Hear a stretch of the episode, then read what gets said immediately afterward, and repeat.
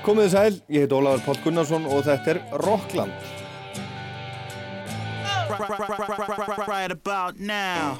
Þið auglýsið hitt og annað, hérna hitt og annað sem svo aldrei kemur. Það var bara ekki auglýst, það var auglýst hvennasöng.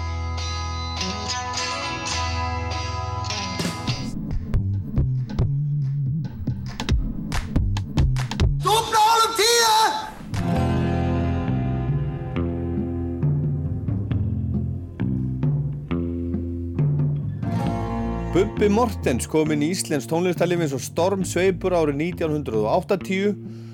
Þetta er gömul klísja að orða hlutina svona en hún er svo innilega sönn í tilfelli Bubba. Síðan þá hefur hann ekki látið okkur í friði þessi maður, hann er búinn að gera fleiri lög og fleiri plötur en allir aðrir á Íslandi. Nýjasta platan hann sem heitir Átján konur og er spiluð öllu leiti af konum, auk hans og hún fjallar um konur er 20. og 8. soloplatan hans og þá eru blöðurnar með hljómsveitunum hans ekki tekna með utangarsmanna blöðurnar, eko-blöðurnar, Das Kapital, GCD og ekki tónleika blöðurnar og sub-blöðurnar og allt hitt hann hefur skrifað bækur, hann hefur skrifað barnabækur, veiðibækur og núna síðast ljóðabók sem hefur slegið í gegn það hafa komið út þrjár eins konar æfisugur, það hefur verið gerð mynd um lífans og hann er út um allt, hann bloggar, hann stýrir útastáttum og sjónvastáttum, hann er yfir og allt um kring og allt of fyrirferða mikill finnst mörgum. En ég held að íslensku þjóðinni þykir samt innstinni, svona yfirleitt, svolítið vandum hennar Bubba. Og Bubbi Mortens er gerstur Rocklands í dag og við ætlum að hlusta saman á nýju plötuna og ræða um allt mögulegt. Sæl Bubbi og velkomin. Já, takk og hlustendur á þessar tvö. Og hvernig hefur það? Ég er góður. Ég, að, já, ég er fýtt. Ég er búinn að vera veikur næstu í þrjár vikur en ég er góður. Já. ég er rosa gladur að vera góður. Já. ég gerði mistök að fara rennandi blöytur út eftir tónleika með dimma og erveist Já. og held að ég væri bara töffari og gæti bara farið á blöytum gallaböksum og rennandi blöytum ból bara upp í bíl upp í garastrætti. Ég fekk bara bísa kúl í hausinn daginn eftir. Já, það. já, búinn að vera veikur. En er þetta ekki, eldur þetta ekki bara verið einhver, einhver vírus? Ég menn það búið að vera svakalega. Já, ég, ég, allan að væri ég ömulega veikur. Já. Já. Ég skildi bara- mjög vel, ég lendi í þessu sjálfur og á helmingur landsmanna held ég. Já, Var alveg bara skelvilegt, höst. Herðu, en, en uh, þú, þú ert enn í kjósinni, Já, hættu við að selja húsi og flyti, já bæinn? börnin vildi ekki fara.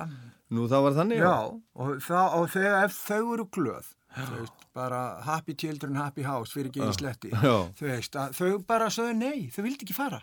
Já. En þegar þið voru búin að ræða þetta? Já, við vorum komin með þetta að í sölu flytja- ferli. Já, ætluðu að flytja Já, já. út af þeim í rauninni. Já, já, En Þau vilja vera það. já. Og þá vitum við það, þau vilja vera hægt að þóklu rótnu úlingar. Já. Mjög líklega þegar verða úlingar þá, þá segja þau, þú veist, ömulegt glatað, ég vil fara í bæinn, það sem stuðið er. Já, en ég menna 17 ára bílpró, Já, já, rammarsbíl. já, já, við sjáum til, en allavega þetta var að koma óvart að þau vildi ekki fara. Já.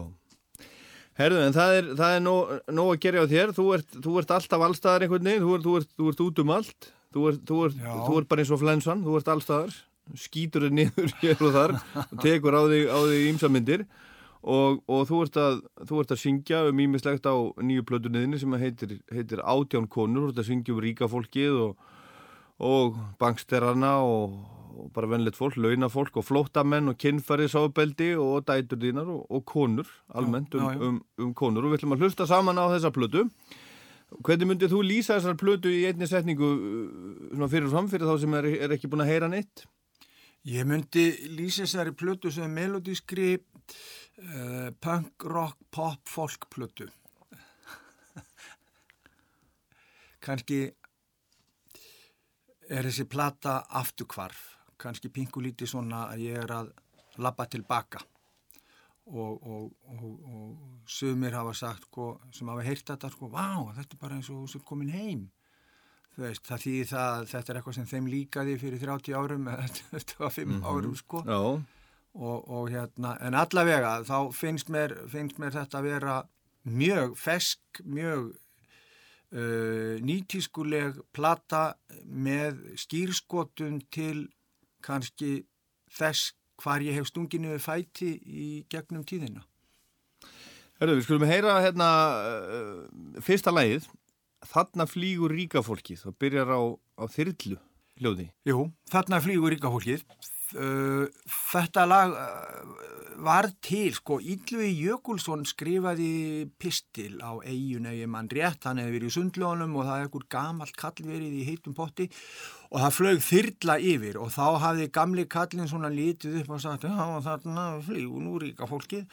Og það eiginlega varð bara bingo, ég sá þetta og ég var búin að gera lægið og textan bara kortir í setna og síðan þegar við vorum að, að vinna þetta þá hérna þá fannst mér auðvitað að það væri ekki annað hægt en að hafa, hafa þyrlu sem að myndi svona skýrskota til þess að það er hér nýji ferðamáti ríkamannsins, það er að fara á þyrlu í sömabústæinn og það er að fara þyrlu og ná sér í pulsu og, og, og, allt í þessum dúr sko.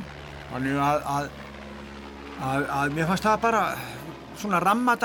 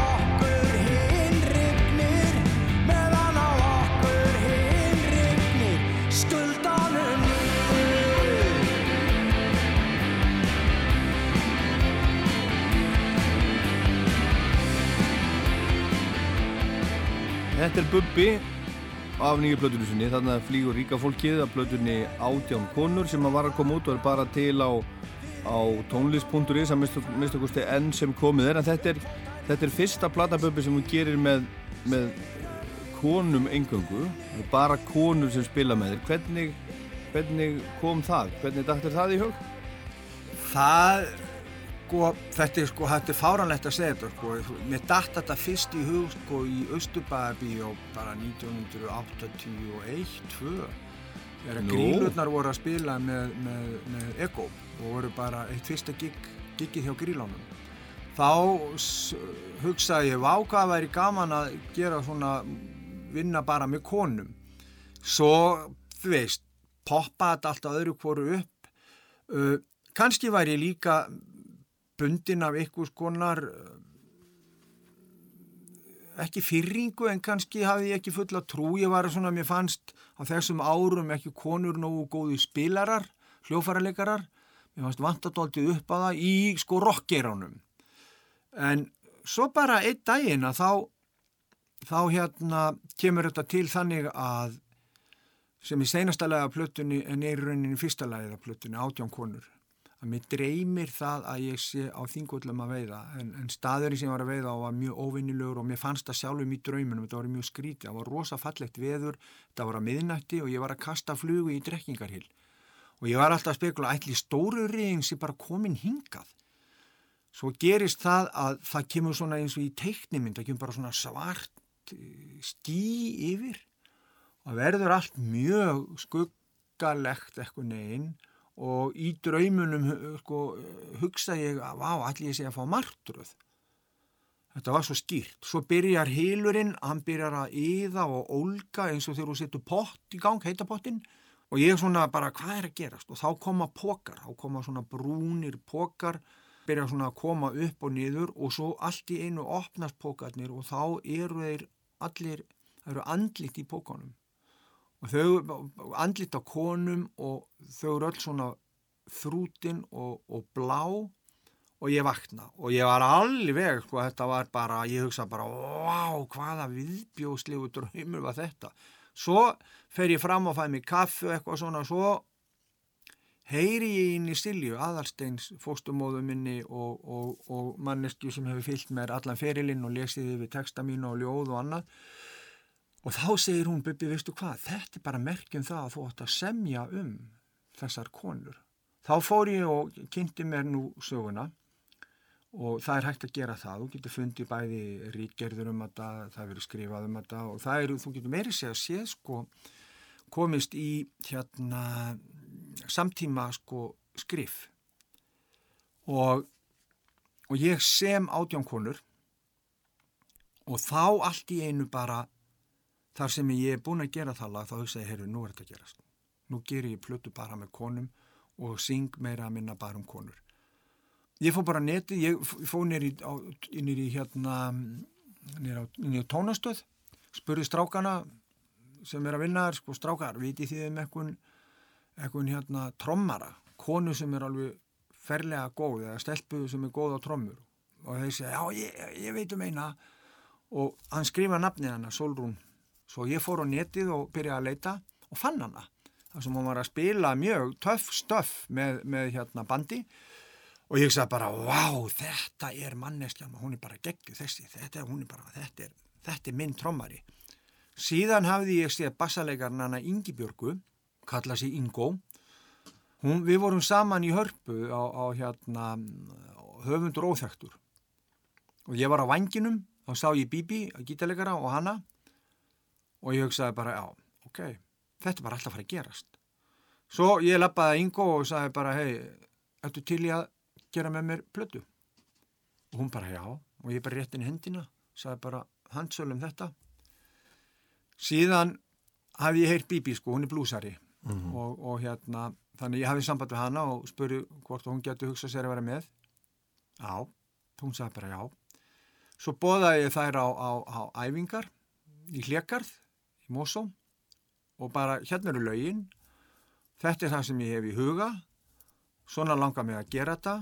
Og mér langar að, að vinna þetta í þessum tíðaranda, þessum sándum og annað. Og svo að bara byrja að telja í og, og við æfðum nokkra, nokkra daga og æfðum 2, 3, 4 tíma á dag. Svo byrjuðum við bara að taka upp. Svona, svona þetta var ferli Margret eh, harmonikuleikari, hún leigir mig Ingo og Ingo sagði mig frá henni að því ég ætla, var, sko hugmyndin var að hafa hljómbónsleikara ég ætla að hafa hljómbór, bara svona klassíst sko rock og allt og þetta hljómbór svo ég sagði bara nei það lítur að vera alveg geggja sko, vegna að ég sá Póks 1984 í Svíþjóð með Kristján Falk heitnum, mm -hmm. hann dróð með á þess að tónleika og sagði, við höfum að fara að sjá hérna, þjóðlagaband sem er bara eh, besta punkbandið í bransánum og við, við förum og þar er harmonika og, og, og það var eitthvað djöbla sír á henni, þeir voru búin að setja henni gegnum eitthvað effekta. Og Póks þarna er ekki dotnir sko superstórir en þeir eru að rýsa upp. Og ég man bara ég, veist þetta satt í hausnum á mér. Svo þegar Ingo sagði hérna að hún leiði með harmonikuleikara þá sagði ég bara, getur ekki beðin að koma og spila á eitt lag? Svo kom hún og byrjaði að spila inn á eitt lag og ég sagði að nei, við látum hann að spila á öll lögin og það var bara, það var hún komin Já, alltaf 800 Já.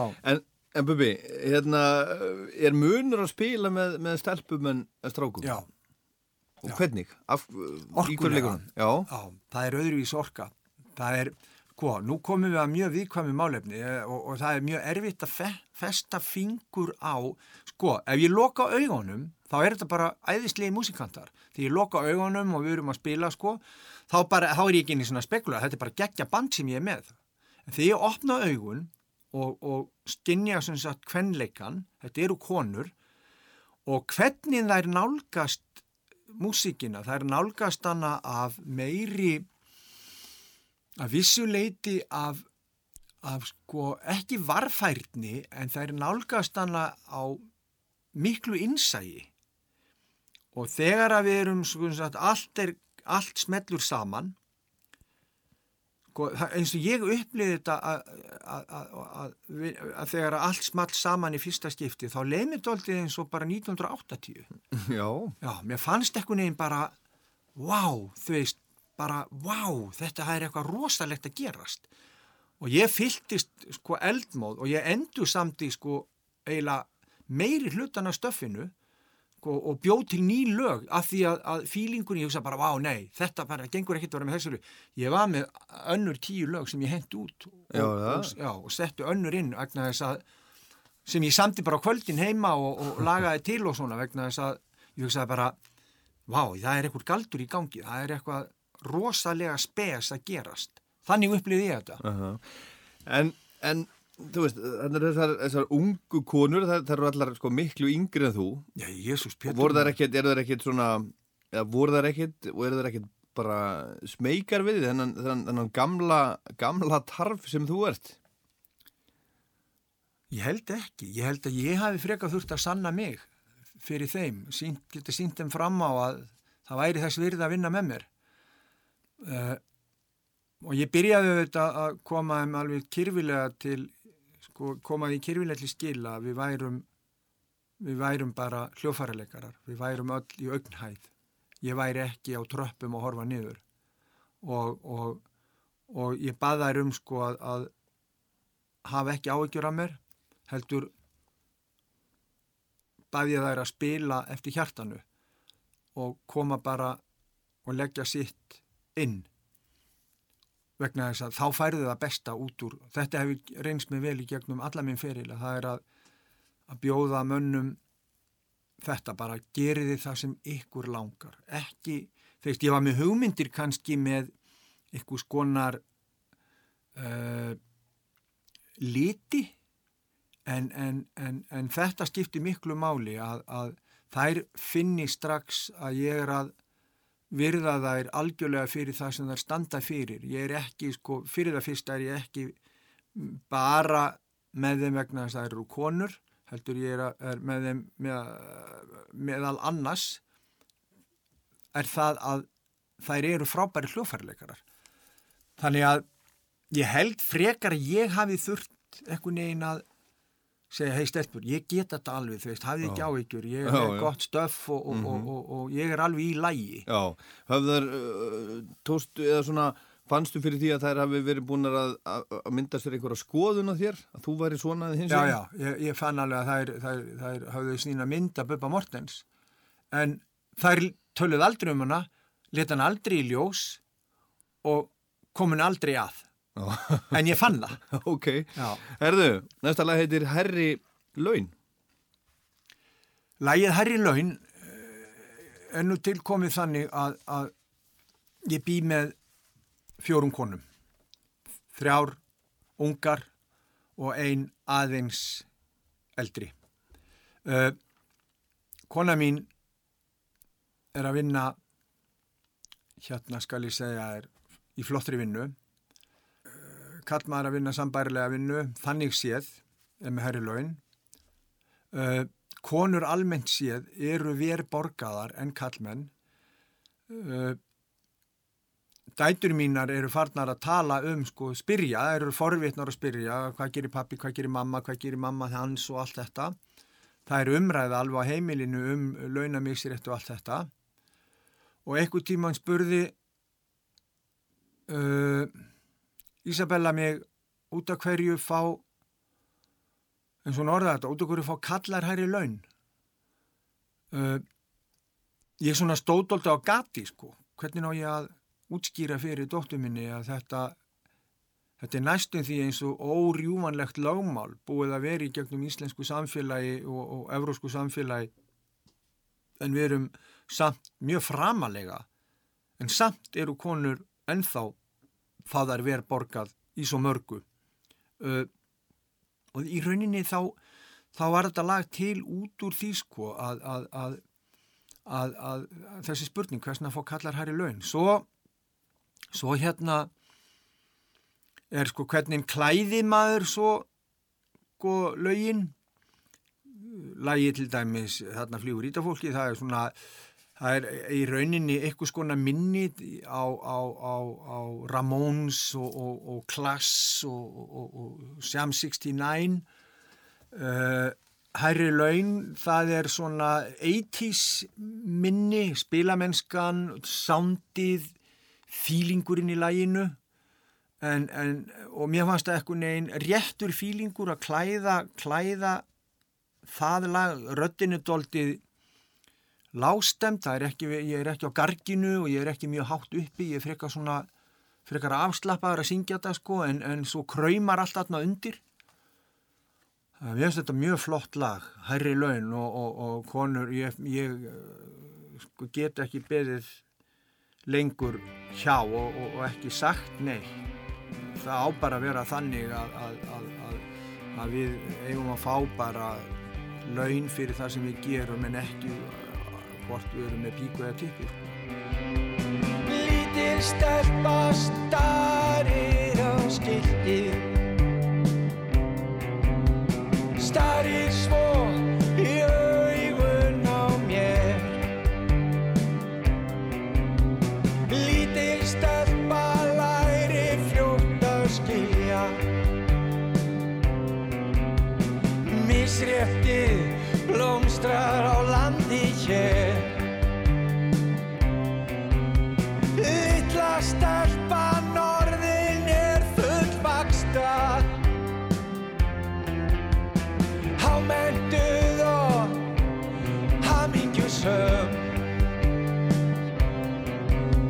En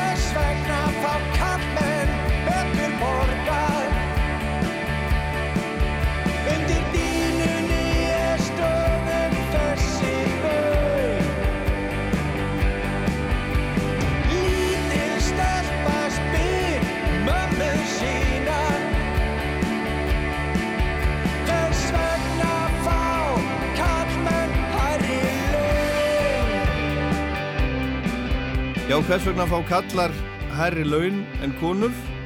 Spyr Bubbi.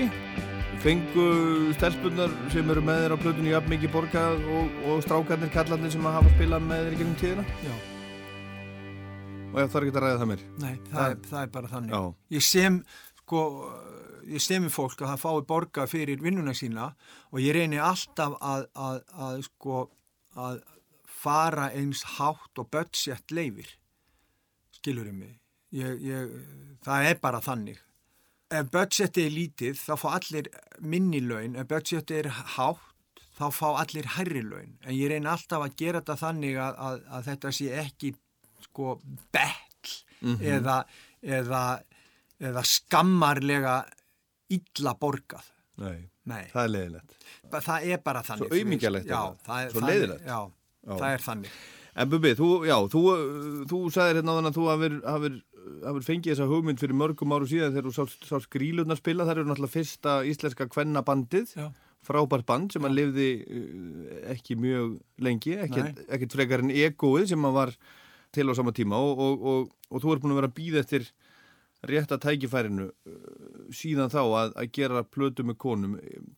Hefur ekki, hefur ekki séð neinar svona konur hinga til sem að þú hefðir vilja gera plötu með? Jó, undanfærin fimm ár hef ég verið að sjá nýja kynslu hvenna koma upp. Já, Frábæri hljófæraleikarar, frábæri músikantar, frábæri lagahöfundar, textahöfundar og, og, og jú, jú, jú, jú, þetta er meiri sér lengur aftur í tíman sko, en, en svo er öllu markaður á, staður og stund, þetta þú veist uh, menn trúa því sko, þá, þá við deyjum á ekkurum degi, skiluru, sá dagur er kannski, er búið að skrifa þann dag, það getur vel verið sko að þú haldur úr deyra mánudegi en þú deyra á miðugudegi, klukkan hvað deyrðu? Deyrðu klukkan 3.25 eða 3.22, það er öllu markaður staður og stund. þú heldur það? Já, og ég trúi því að þetta var bara momentið. Já. Herðu, áfram um, áfram um konur, þetta er bara, þetta er plata um konur, átján konur, syngur konur og næsta lag er um, um, um flótta, flótta fólk, konurnar sem, sem kom á Akranes. Já, það er kveikjan að þessu lagi og, og, sko, og í umræðunni um, um flóttakonur og, og flóttafólk, þá ger ég þetta lag, flóttakonur. Og þarna er ég að láta einhverja mannesku segja sögu sína. Hún hafi verið í flóttamannabúðum, uh, Rauðakrossin kom og býður henni grið, hún kemur til Íslands og það er bara ríkalegt, það er bara hraun og kuldi og snjór og henni langar að fara, getur ekki farið og hún þarf að læra tungumálið og svo eru komað þessar martraðir um, um mannin sem að svifti fjölskyldun hennar uh, lífi og drap fólkið hennar og svo framvegis og, og mér langaði ekkun einn að koma þessari mynd að. Velkomin var fyrsta orðið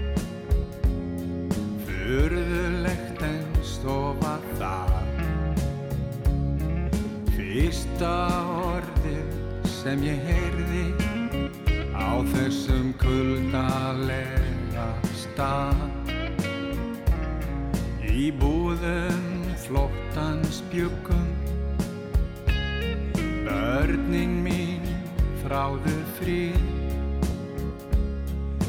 Dagitt þau komu til okkar og buðu okkur grið. Það eru grafir í hjarta mínu, þar fólkið mitt sefur. Og dauðin er það eina sem hjarta mitt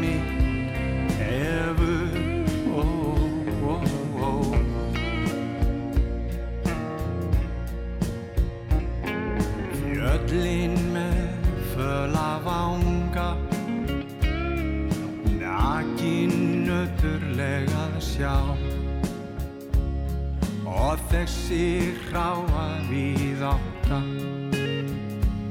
Og byrtan svo kulda blá. Í myrkrinu þykka svarta Svýpir á mig stara. Sálir þeirra eins og mín Fastar en frá að fara. Það eru grafir í hjarta mínu. Þar fólkið mitt sefur. Þar tálgar dauðin krossa og fórnar lömbum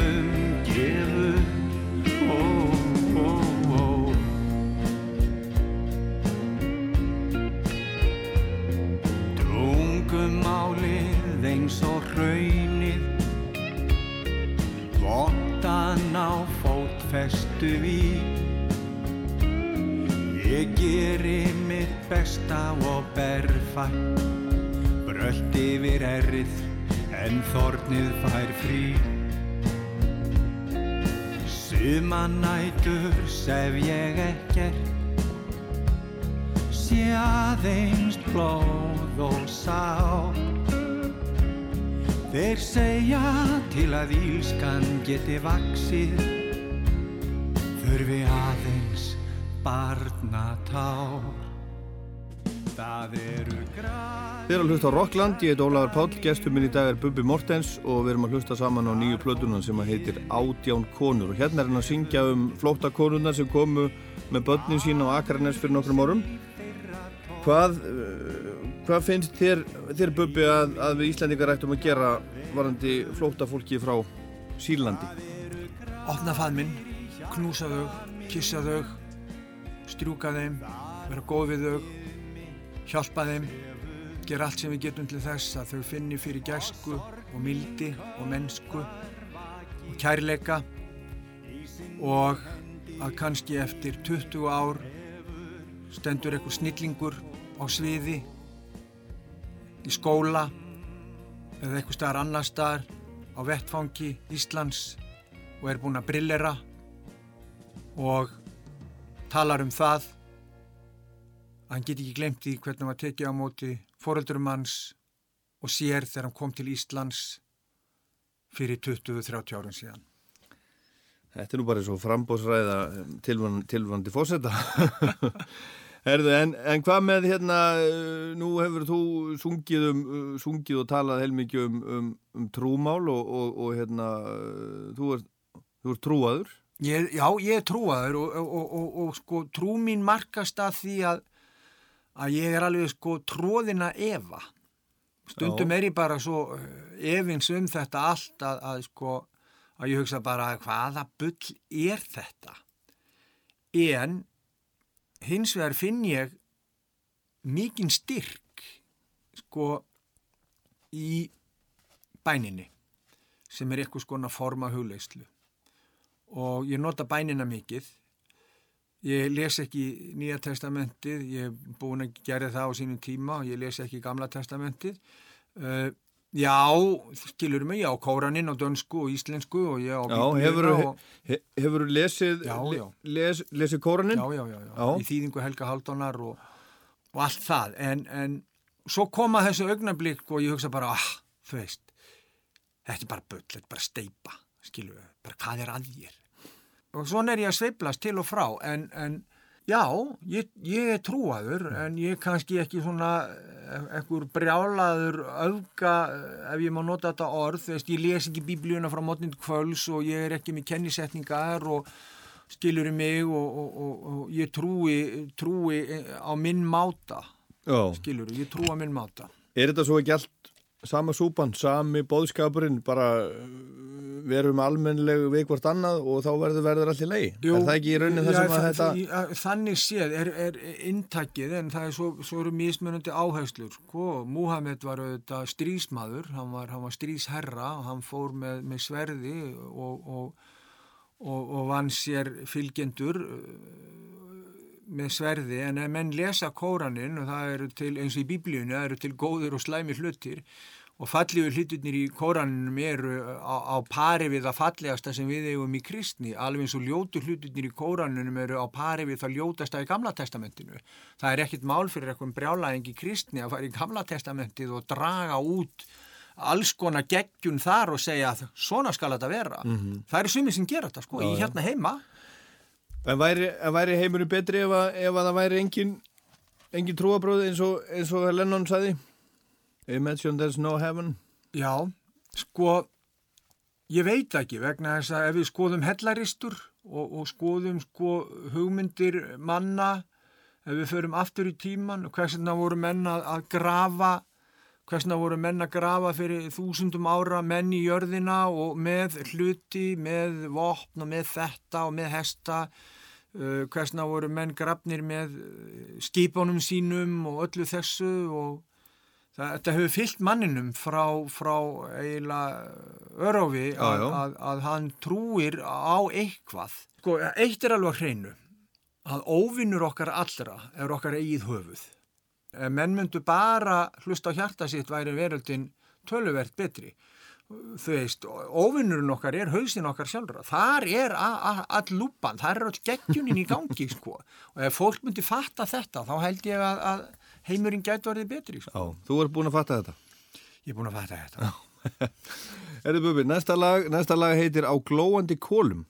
Á glóandi kólum er einhvers konar mynd sko, lægið er sko skýrskotun til T-Bone Bennett sem er alveg frábær músikant og frábær lagahöfundur og gert alveg geggjaða hluti. Og á glóðandi kólum er samið í rauninni doldið í, í hans stíla, ekkur leiti uh, tekstin er, er ekkur skonar spjall, ekkur maður að, að rifja upp eitthvað skona samband og, og, og hérna og textaformið er, er, er, er knaft og gamaldags að einhverju liti spilamennskan alveg geggjuð í þessu lægi sko. Ég eh, er mikið með tremologítara á, á þessari plötu. Tremologítarar alveg mjög sjúklega flottir. Og þarna kemur Margaret inn mjög sterk með nikkuna sína Mér finnst þetta lag æðislegt á glóandu kólum. Það, það, er, það er líka flott mynd, veist. Þetta lappa eftir konu á glóandu kólum. Finnst þetta flott mynd.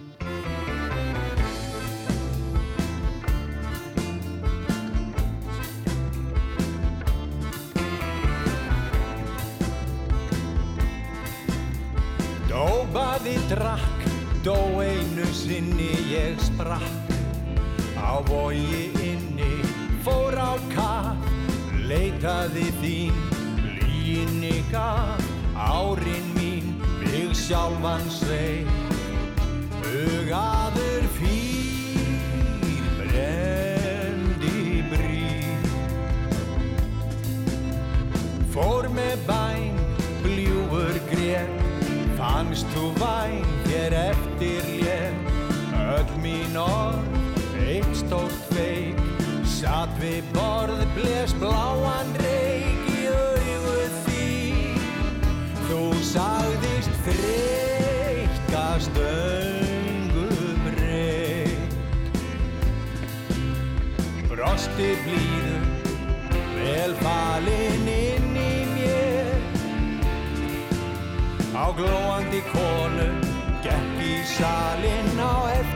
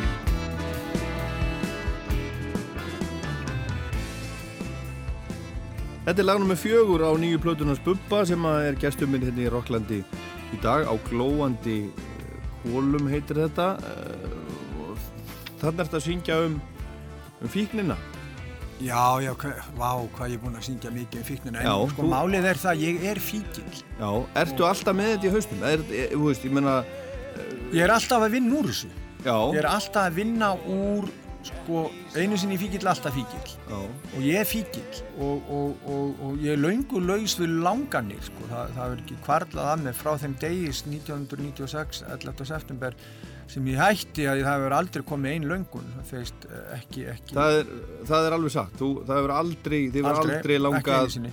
Ekki einu að, að, Nei, ekki einu sinni. Aldrei. Bara, bara ekki, ekki, ekki bara, það verður ekki einu sinni dottu í hausin á mér nei, en hver, hvernig útskýrir þú það? Ég get ekki útskýrt á neitt máta, ég var ekki á leiðinu að hætta einu sinni. Ég var bara, ég hérna, vaknaði bara miðan nótt og bara opnaði augun og hugsaði bara, vá, nú er ég hættur, nú komið, er Er, það? Já, og fóði niður og hringdi að fólk sem ég þekkti, þeir komu, voru Já. með mér um nóttina og, og hérna, og svo tók ég bara frákvörun út á, á, á hérna, á guttunni. Fóstu ekki Fjórum mánuðin setna, fjórum mánuðin setna, Sem að- sem ég fór í meðferð. Þú fórst á mánuði, Og hvað, en hvað fóstu of, oft í meðferð? einu sinni áður. Já, þetta er, ba, þetta er bara tveisvar. Já. En þú ert til dæmis að, að hérna, já, þú ert búin að syngja heilmikið um þetta og þú skrifar um þetta líka, líka talsvært í bókinniðinni, ljóðabókinni, Já. öskraðu gat á myrkrið. Já. En hvað, af hverju ertu svona, af hverju ertu svona, svona upptekinn að þessu? Þetta ég. Þetta eru, Þetta- 20 og... já, þetta er ég. Þetta, þetta, er, þetta er svo stór partur af mér er þessi, þessi, þessi markaða leið sem ég fór sko. þeir skilja þetta eini sem eru ánetjar held ég, sem eru fíklar. Að, að sko þú, þú, þú markerast af þessu andlega, líkamlega og, og, og, og svo bara e- eru þetta myndir sem að ég er að vinna úr veröld sem ég hef verið að vinna úr. Ég er búin að vera að vinna úr þessari reynslu alveg frá bara áður en ég vissi að ég væri fíkill í rauninni sko. Svartur Afgan, það er fyrsta lagið mitt og, og hérna speilin í brefinu, mm konuplutunni, uh, paranoian á fingraför, veist, ég er búin að vera að glíma við þetta alla minn feril, uh, veist, það var alveg sagt að spyrja mig, sko, út á hverju þetta alltaf að syngja um ástina, skilur Já, já, ég skil þig. en, en, en, en hins vegar sko er þetta svo margir fletir, þetta eru svo margir fletir sem að koma upp í þessu sko, mörg speilbrott og þetta er bara, þetta er ég. Já. Herðu, en, en ljóðabókiðin, þessi eh, fyrsta ljóðabókiðin, nú selst alveg gríðarlega vel. Já. Það er ekkert algengt að ljóðabækur seljist nema, nema hvað? Na, 200, 300 eintök? Já, já, metsala er 500 eintök. Eitthvað svo leiðis? En, en nú er búið að prenta þína þrísvarsinnum Já. og hvað, hvað er búið að seljast af þessu? Ég, Er stórin moldríkur á þessu? nei, ljóðskáld eru í rauninni betlarar listarinnar. Það er þannig. Uh, þú bara sérð það, sérðu auðlýsingar um ljóðabækur í jólabókaflóðinu, sérðu ljóðabækur auðlýstar í sjónvarpi, heyrðu ljóðabækur auðlýstar í útvarpi, uh, sérðu ljóðabækur á forsýðum bladana eða, eða, nei, það er ekki þannig. Eitt besta ljóðskáldu okkar Linda Viljáms sem er bók hérna á, á í þessari hérna jólabókavertíð og það verður engin var við bókin hennar í auðlýsingum. Þessi bók hennar ættu þetta að vera pari við allar hinnar stóru auðlýsingarna vegna að ljóð eru að mínu mati eitt sko magnaðasta listaform sem við eigum og, og, og, aðra þjóðir eiga. Þannig að, að, en svona er þetta, ég er mjög þakklátur, þetta er með, þetta er með ólíkindum að það skuli vera þriða prentum komin. Það, það þýðir það að bókin er þá búin að selja kannski uh, 1600, 1600 eintök og ætlaði sig ekki þá prentu 800 í viðbót. Já, og ef þau fara þá er þetta, bara galið. já, Það er ótrúlegasta fólk sem er að stoppa mig og, og byggja um áritanir og mér þykir vænt um alla sem að, sem að hérna sína mér þessa virðingu. En mér þykir pingurítið mikið vænt um allt þetta unga fólk, alveg nýri 14 ára. já, ok. Og þegar ég spyr, hva, hva, hvernig, hvernig veist þú um þessa ljóðabók? Æ, maður, ég er búin að sjá þetta á snappinu. Já, já, já, þú ert heldur betur, þú hefur náð heldur betur að notfæra þig nýjustu tekní maður. Já, Ha, það er þannig. hvað eru margir að fylgja þér á snappinu? Steady, alveg bara, eh, allt, sé- bara ef ég sendi snapp núna, Já. þá eru svona 13.000. 13.000 manns, Já, það er rosalega mikið maður. Þetta er sko auglýsing sem að hittir bara beint, bara beint í belgin. Já, beint í belgin. Já. Herðu, en Bubi, er einhver sérstök aðferð, sem, er, er, þú veist, hvernig ná maður að lesa ljóð? Þú veist, ef þú ert að le, lesa skáldsögu, þá Lesa bara, hægt. þá bara lest hana, þú bara opnar hana og byrjar að blæsa eitt og svo lestu bara og sömur Já. lesa bara einu rík. En hvernig á, þú veist, er einhver svona aðferð? Nei, en, en sko, bara lesa hægt. Já, en, en ég menna, eru ljóðabækur, þú veist, uh, sko, þetta er kannski hljóma rastnalega, en ég menna, eru ljóðabækur lesnar í einum rík? Mm, Já, ég ég þetta gera það, þú að- veist, þú getur lesið hana hundra sinnum, þú getur lesið ljóð aftur og aftur og aftur og aftur og fengið alltaf nýja myndir en, en það skiptir máli að lesa hægt bara lesa hægt ljóð eiga, það á að lesa ljóð hægt Já. bara eins og eins og bara, veist að vera með góðan brjósikur í mun ekki bryðjan Já, ekki breyðaljóðin.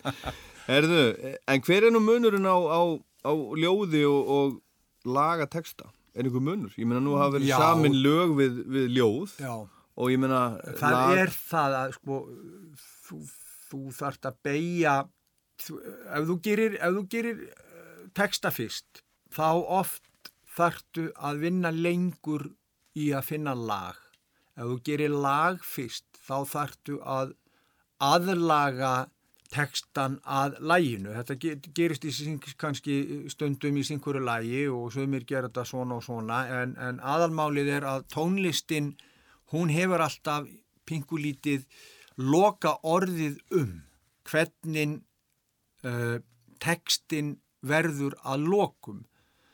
Stundum hins vegar sko þegar þú ert komin með lag utanum eitthvað texta þá bara fyrir textin að vaksa, alveg eins og átján konur. Þú veist, hann held bara áfram þanga til að hann sagði bara, núna, þetta er komið. Eða flótta konurnar. Þannig að það er munur á, sko, ljóðið er þannig að, eins og ég segi, sko, það skilur eftir, það er knappara, það skilur eftir kannski öðruvísi myndir og þú hefur fleiri leiðir til að túlka það. Þú hefur, þú hefur mörg, þú hefur marga passa sem hún getur, eða likla, sem hún getur notað á ljóðið meðan að aldrei fór í söður er bara aldrei fór í söður með, með, með ákveðnum, uh, ákveðnum, hérna, ákveðnum, inn í ákveðnum ramma, það eru ákveðna myndir og það fylgir ákveðnir ákveðnu lögmáli sem tónlistin setur því í þann farveg. Þannig að það er, það er munur, munur á sérstaklega óbundnu og bundnu. Ég tók eftir því þegar ég sá þið spila um daginn í fríkirkjunni Hafnafyrði að þú varst að selja bókina þinnar en þú varst ekki með neina plötur. Og ég man ekki eftir að hafa séð þig með, með plöturna þinnar þegar, þú ert að spila. Ákveður gerur það ekki, af því að núna sko núna í þessu, þessu breytta landslægi þá er þetta eiginlega staðurinn þar sem að salan fer fram. Þar eru, eru mest, þar er torfan. Þar, þar eiga menn að kasta. Þar eru mestu líkurnar á að selja plötur ánæður tónleikagestir á leiðinni heim eða sjá eitthvað vantar í safnið okkur hefur ekki uh, gert Mér- þetta Þetta skiptir með engum máli. það skiptið einhver máli Nei, það skiptir með engum máli.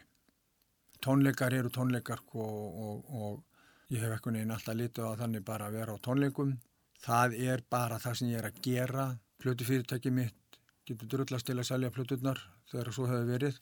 Ef þið langar að selja plötur á tónleikum þá, þá gera þær það. Þeir hafa aldrei, plötufyrirtæki mitt, a- a- alla minn feril, alla minn feril frá 1980 hefur ekkert fyrirtæki sem ég hefur á samning hjá haft nennu eða geð í sér til þess að setja mann á tónleika og selja plöturna mínar.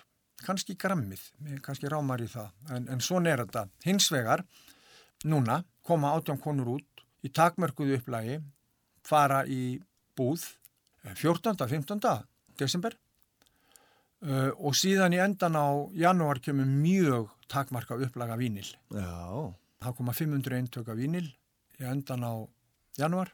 Uh, Það er búið að ganga frá því og, og það er búið að hanna umslægið og, og ganga frá öllu. Og setja diskurinn kemur, það verða líka mjög takmarka, 2000 eintök. næsta lag, jafnrétti Já, lægi jafnrétti fjallar um jafnrétti, tekstin segir allt sem segja þarf, Uh, þetta þetta komum við aftur að dæturum mínum sem að uh, hérna þurfa á fyrirmyndum að halda og, og þó svo Íslendingar séu framar en margar aðra þjóðir í því að, að það ríki uh, jafnrétt í augnhæð, í launamálum, í, í, í samfélagsmálum og öðru, þá er ennþá vantar upp á. Og hérna, og kórusinn, viðlægið í þessu lagi, jafnrétti fyrir dætur mínar, jafnrétti fyrir dætur þínar, jafnrétti fyrir land og þjóð, öskrar vort blóð. Þetta er svona, þetta segir allt sem segja þarf. Jafnrétti! Ljúfan mín legð af stað, láttu hjarta ráða för. Klífðu heimsins hæstu fjöld, spurðu og heimtaðu svör. Mentun mennsk og jafnrétti á að vaksa í heima högum. Mentun mennsk og jafnrétti núna strax á okkar dögum. Jafnrétti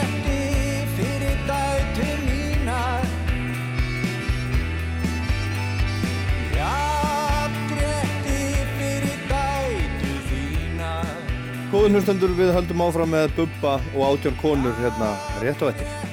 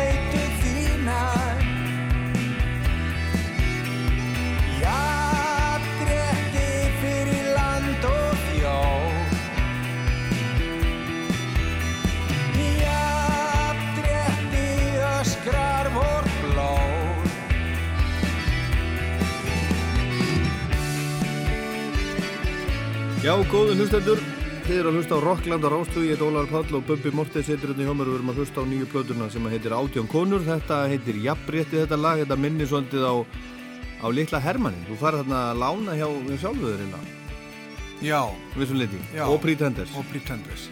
Chris Hind er eina mínum uppáhalds laga og textahöfundum og gítarleikurum. Herðu, en jafnrétti er, eh, sko, hvers vegna er jafnrétti mikilvægt og er ekki jafnrétti? Eru konur ekki gjaldgengar í öll störfi í dag og allt það?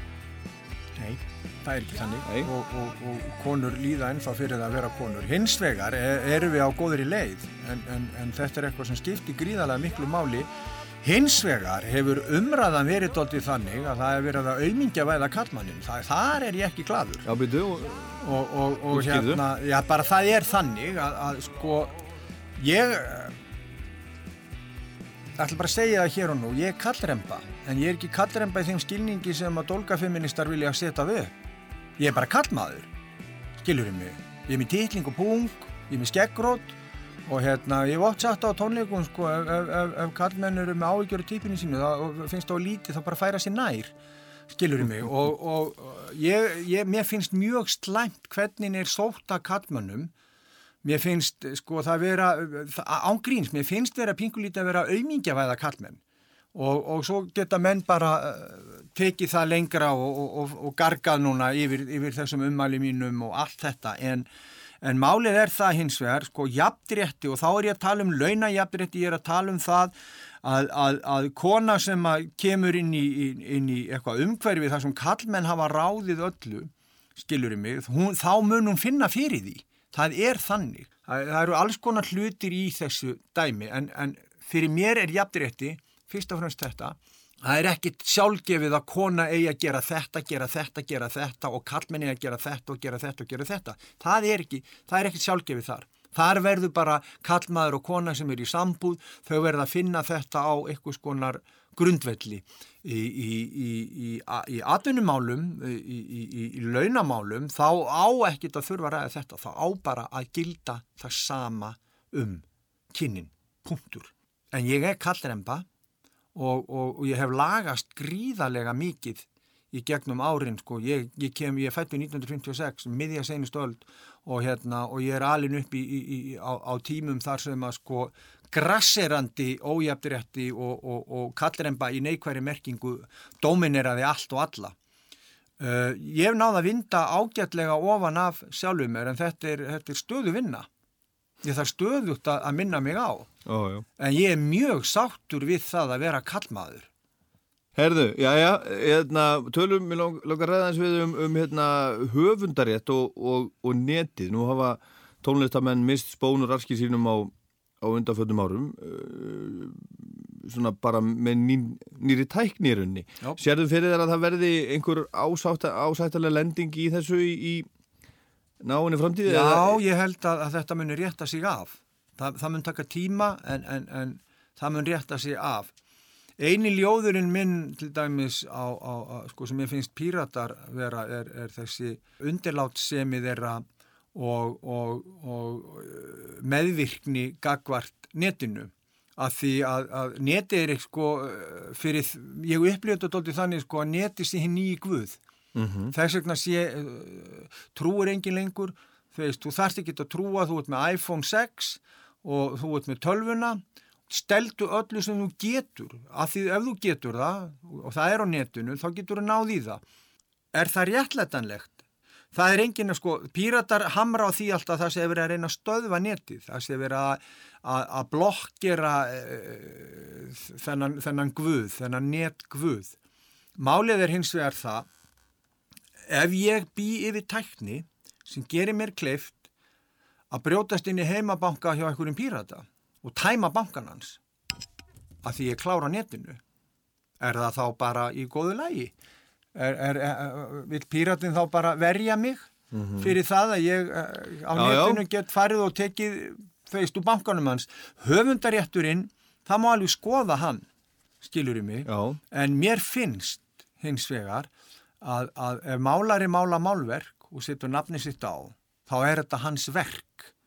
Uh, Michelangelo gerði hérna kvelvinguna í, í, í, í, í Péturskirkjunni Da Vinci gerði, gerði hérna Mónu Lísu Bubbi gerði aldrei fór í söður ég á, ég á það verk. Já, já, en uh, það, sko, sko netið er einhvern veginn orðið, það er bara, netið er einhvern svona, einhvern svona hálgert, hálgert skrýmsli, það er voða erfitt að einhvern veginn að, að, að eiga við það og, og hugsaðlega, ég menna svona í, í, í, í mannst svona, svona svörtustu, sko, martröðu, þá, þá gæti hugsaðlega netið slátrað okkur á endanum, sko, á einhvern hátt. Það er ekkit ólíklegt, ég meina öfgarhriðjuverka menn eins og Ísis, þeir eru að nota netið. Já, já, það hefur svo rosalega- Og, og, og, og þú getur gert allt á netinu. Hins vegar vil ég, ég vil setja lög, ég vil bara setja lög sem að ná yfir á netinu líka. Mér finnst til dæmis þjóðverðar að vera með ágætt í staðferð, þeir eru ekkert að blanda sér eitt en neitt. En ef þú ferð á netið og niður halar eitthvað ólöglega, þá kemur bara reikningu til í 14 dögum setna.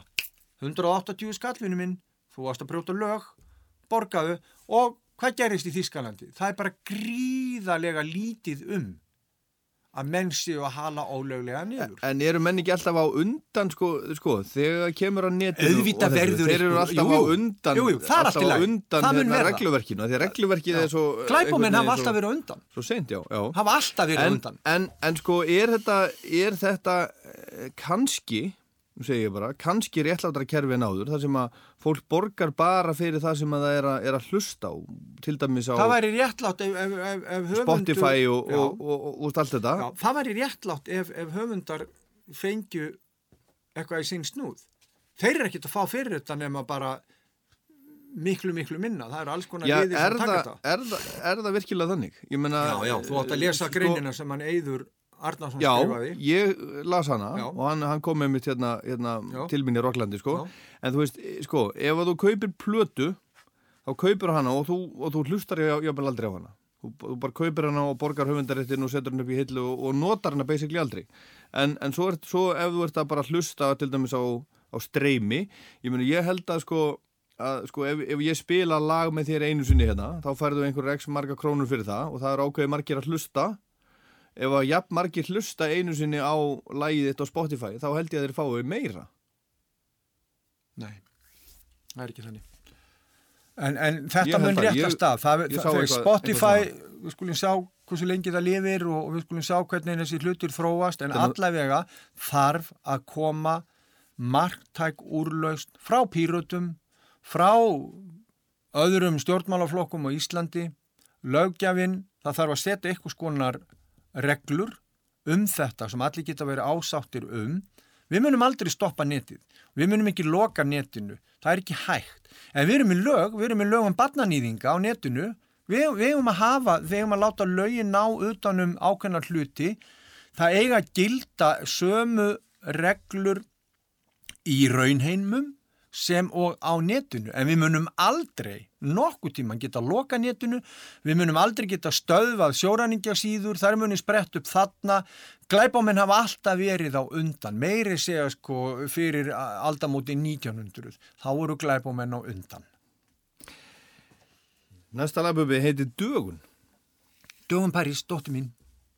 Uh, Lægi skýrt bara í höfu á henni. Þetta er bara lappitúr hjá okkur í kjósinni og, og, og hérna og aftur mjög lágstemdur söngur fallegur einlægur teksti um pappa með að leiða stelpuna sína og seginni frá að afi hafi búið í sveitinni. Viðlagi grætmósin gulstrá og hérna en hins vegar mjög 80s punkaður pop, pop melodía og spil. Vinskafinn ský, höstblátt haf, sólinn svo hlý, í sandróstu stað. Lófinn þinn, hjæltum hjarta mitt, augasteinnin minn, þetta er landið þitt.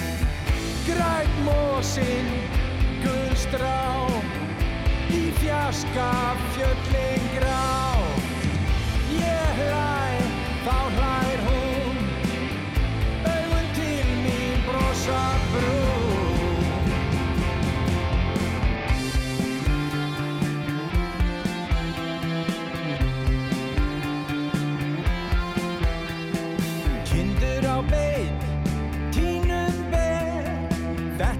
sveit, þinn afi bjóð hér. Vatnið svo blátt, með að fellið stolt, móar og holt, við sopnum sátt. Græn mósinn, gulstrá, í fjaska fjöllin grá. Ég hlæ, þá hlær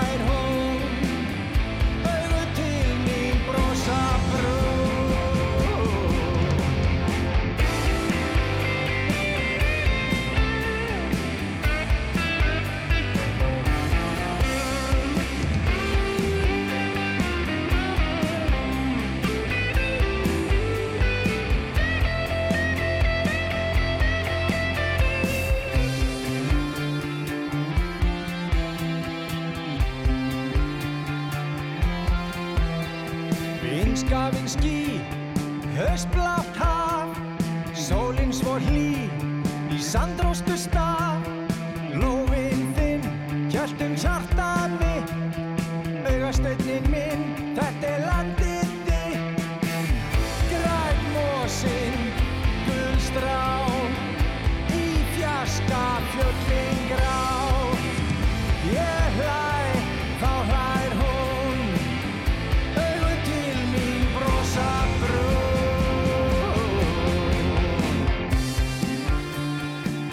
Herðu Bubbi, það er svona, uh, svona Joy Division og Bruce Springsteen í þessu. Þú hefur nú sótt, sótt innblástur til Joy Division í, í gegnum tíðina. Já, sami, Geggjað. þú hefur samið mörg lög upp úr, upp úr Joy já Division. ég elska Dötuvis. Ha.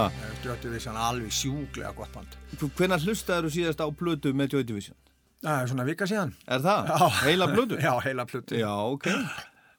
það er bara þannig. Hlut- hérna, og, og ég var einmitt að hugsa, sko, vá, sándið er svo lélegt. Þetta er Já. svo vond sánd á þessu. Ég hugsaði, sko, í dag, meiri segja, sko, þetta er svona svipað, þetta hefur verið tekið upp á, sko, ekki á svona fyrstu útgáfun á Nokia síma. Já, Þetta er alveg Já, bara, þetta hljómar ekkert sérstaklega vel. Nei, þetta, þetta er bara alveg, en það er samt ykkur, ykkur ótrúlegur sjarmur í, í, í þessum diskanti gíturum, þessum, þessum uh, nýstandi skarpa bassa, þessum þunglindislegu textum og, og, og, og rödd uh, Curtis og, og, og hérna og trommurnar eru, þetta er svona eins og að, þú að láta dóttina fá makkitónsdollur Mhm. og, og, og, og, og lamið á þetta og svo heyru, þetta eru ekkit góðir hljófarleikarar, Nei, nei. en það virkar. En, en hlustaru mikið á músík í dag? Já, ég sko í törnum, þegar ég til dæmis er að skrifa, þá set ég oft í stemmingu, skiluru.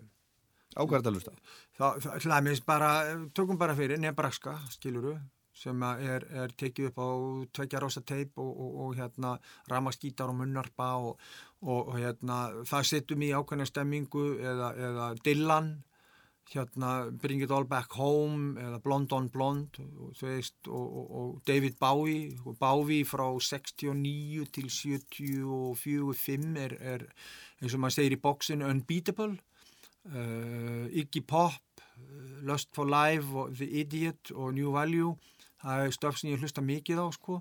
svo fer ég alveg fram í, í, í ABBA og veist, ég, er, að- ég hef búin að kvíla mig á Marley, ég hef verið að hlusta dóldi á Black Uhuru það er auðvitað svona metalreggi og uh, Sly og, og Robbie og, og, og, Puma og, og, og svo brjálaðislegt sound, gríðaleg dópneistla og, og, og, en, en einhver alveg æðislegur, ég, sko, mér finnst Black Uhuru einhvern veginn hafa svona verið svona reggið sem klass voru að reyna að negla. Já, Mér finnst það vera tóltið þannig. Mm -hmm. Klass hlusta ég mikið á. já, Já. þetta eru bara þessir gömlu Þetta eru bara þessir gömlu félagar Já, Gamlir já, vinir þeir sem fylgja að mér þú- alveg, sko. Þú býður í heimsókn Já, já, Já. Þeir, þeir, þeir gera það og svo, svo hengst þegar sko hef ég verið að hlusta Úlfur Úlfur og, Já, og, og mér finnst þeir alveg og, og Shades of Reykjavík ég var að hlusta það í gær hvað finnst þér einmitt um, um, hérna, um nýju rapsennuna? Og þú varst náttúrulega Þú varst nú eitthvað að rembast við að, að gera hip-hop og rap fyrir, fyrir 20 árum síðan Já, eh, kannski ekki sko ég kannski, það má segja kannski ég hafi sko, ég hafi farið út í kantin þarna, mm Mhm. -hmm. skiluru en, en, og ég var kannski með þeim fyrstu sem að kom með ákveðin sound Já og, og Þú ætlaðir, þú ætlaðir að gera svona hip-hop eða ekki? Jú, En, jú en útgefandin á þeim tíma, hann var ekki, ekki spenntu fyrir því og þú? hip-hop hefur aldrei verið mjög vinsælt á Íslandi hjá útgefundum, þannig séð. En þú ætlaðir að gera það, það var, Já. það var hugmyndi þín að Það- gera hip, já, hip-hop já, Já, 1900 hvað, 93 já, eitthvað svo liðis. Og hérna, en ég er ánægð með rapsinnuna, mér finnst, mér finnst margt mjög flott og gott í einu, mér finnst vera svona mest í pungurinn þar, mér finnst, ég er hún leiður á svo krúti, mér finnst þetta vera svo, mér finnst þetta vera svo mikið, eitthvað neginn bara ekki neitt, þú veist, mér finnst Teitur Magnússon, ég er búin að hlusta handóldi mikið, það er að því pappa hans var vinnu minn í gamla daga og, og, og ég hafði ekki hugmyndum um, um Teitin, sko, fyrir ég fór bara að, að hlusta á hann, hann gaf mér plötu og hérna Það er lagn á hlætti þig. Já, já, þetta kom mér allt Á mjög óvart og mér fannst sko, það sem ég finnst vera sko, mér finnst Teitur vera svona nýbylgju trúpi ekkur. Mér finnst að uh, hann, hann næri ekki að vera, að vera sko hreitn fólkari, hann næri ekki að vera hreitn trúpi en einhvern eigin býr hann til pingulíti sinn eigin hljóðheim sem er mjög áhugaverður. Þannig að, að, að jú, jú, ég sko, ég, ég, hendist til og frá. Já, en krútin, það er búið. En hvað er, hvað er krút?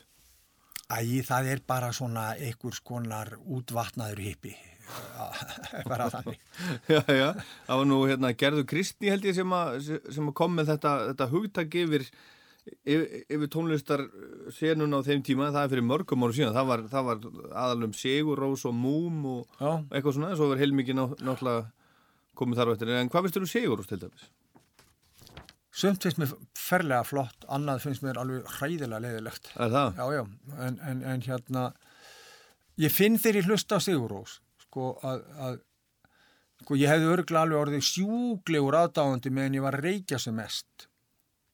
Þannig finnst mér tónlistin þeirra Já. vera dóldið. Ég hef ald, aldrei komist alveg upp á lag með það, en ég er sjúklegur Sigur Rósar Já, aðdáðandi. að mér finnst, mér finnst sumt að því sem þeir gera mjög gott og, og annað finnst mér minna spennandi. Við skulum bara orða það. Ég vil vera heiðaljóri, ég vil ekki vera ljúa. Nei, herðu, það er hérna, eh, það er ekki, það er ekki gamla plötuútgáðin sem að gefa nýju plötunaðin út. Tónlist.is gefur þetta út. Já, en byrju, en 365, er þetta ekki 365 sem, sem er að gefa? Fjölmiðla fyrirtækið 365? Eh, Fréttablaðið, Stöð Tónlist.is 2? er, er ángi þar inni.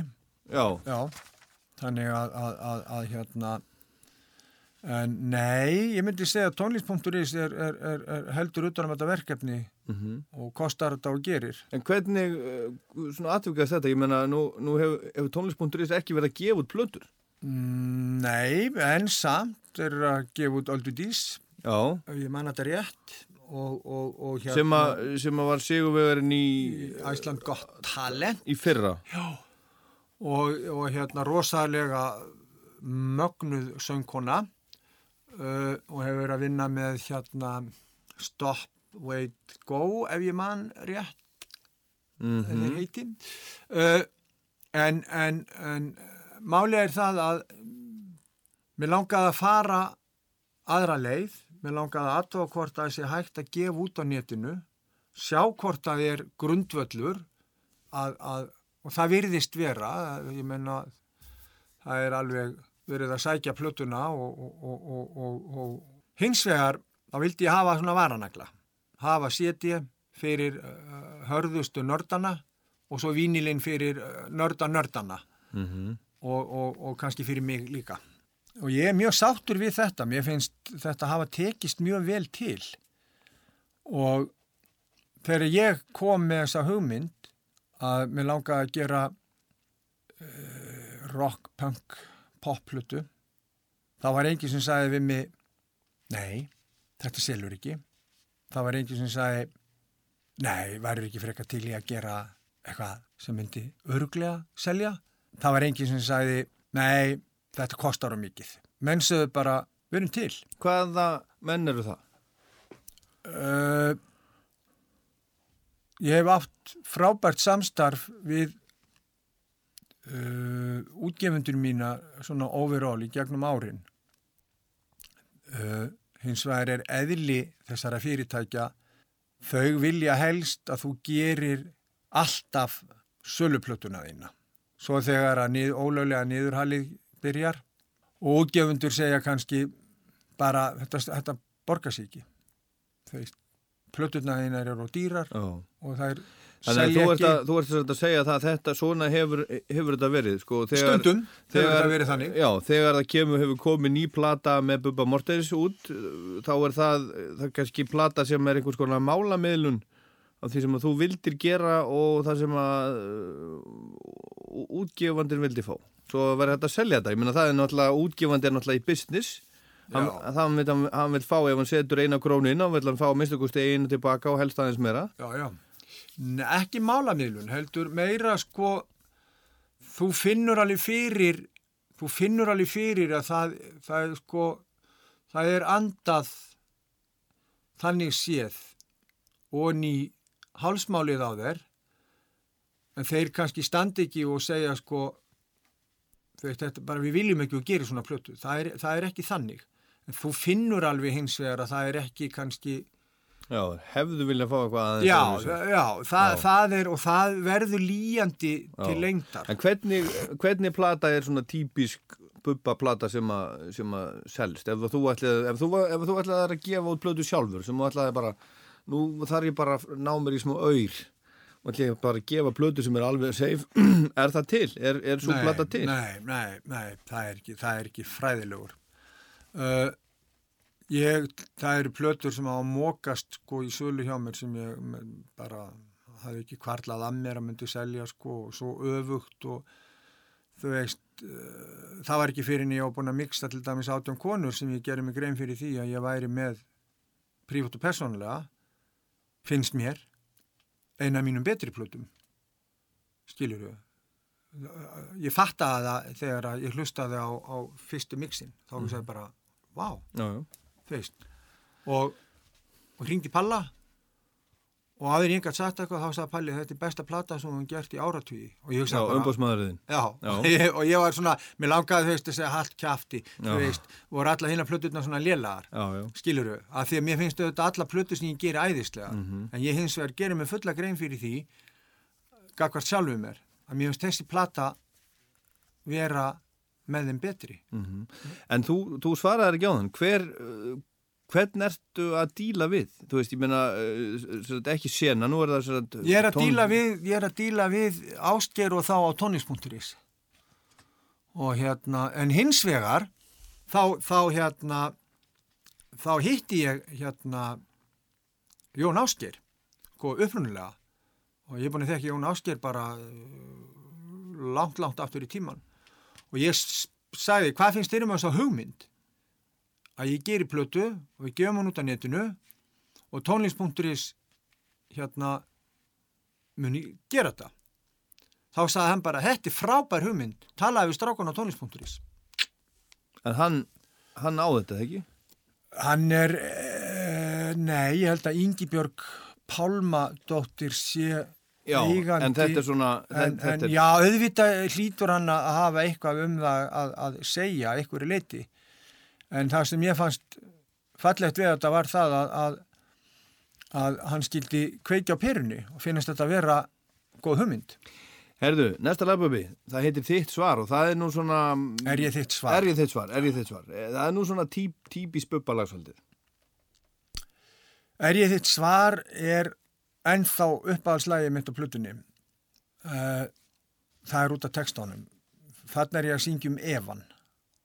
Evan um trúna og ég klæðan í mjög flotta mynd finnst mér. Uh, og áinn þarna í, í, í, í mínum huga er lagsafi aðaldal. Þungstreymir áinn og hérna eftir dalnum tær fingralangir skuggar við bakkan fjær. Mér finnst þetta æðislegt lag æðislegu texti og vel einhvern veginn vel samið um Evan trúa Evan. Þung streymir áinn eftir dalnum fjær. Silfu björtu ljósi á yfir borðið slæm Fingra langir skuggar skrýða við bakkan fjær og þeir virðast allir vera með þjóðsögu klær.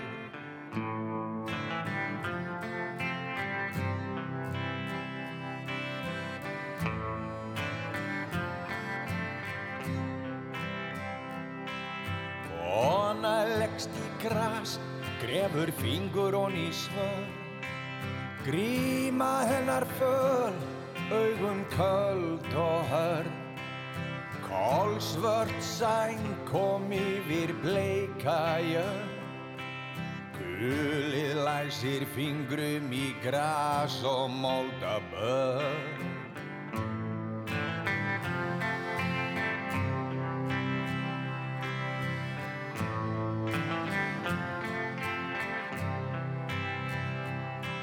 Guð mig vanta svör, ég sé þín fingra för.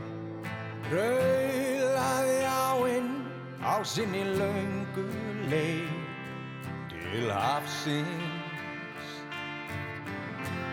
Ströymþung og breið.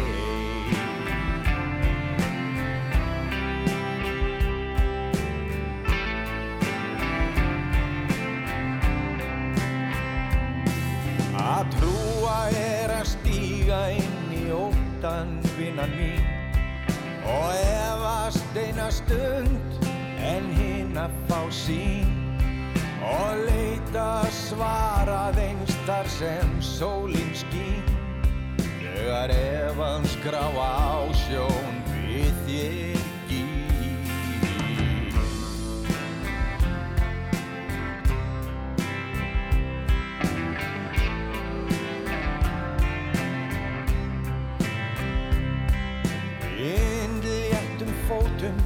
lagði nóttin í sína för. Ljós dagsins þráð að heyra hennar svör. Hvort drottins orð væri en þá á fólksins vör.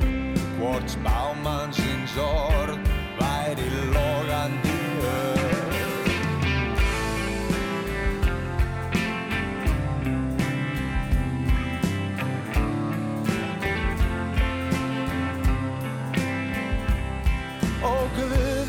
þitt svar, er ég þitt fingra far Raulaði áinn á sinni laungum leið til afsins Strömþung og breið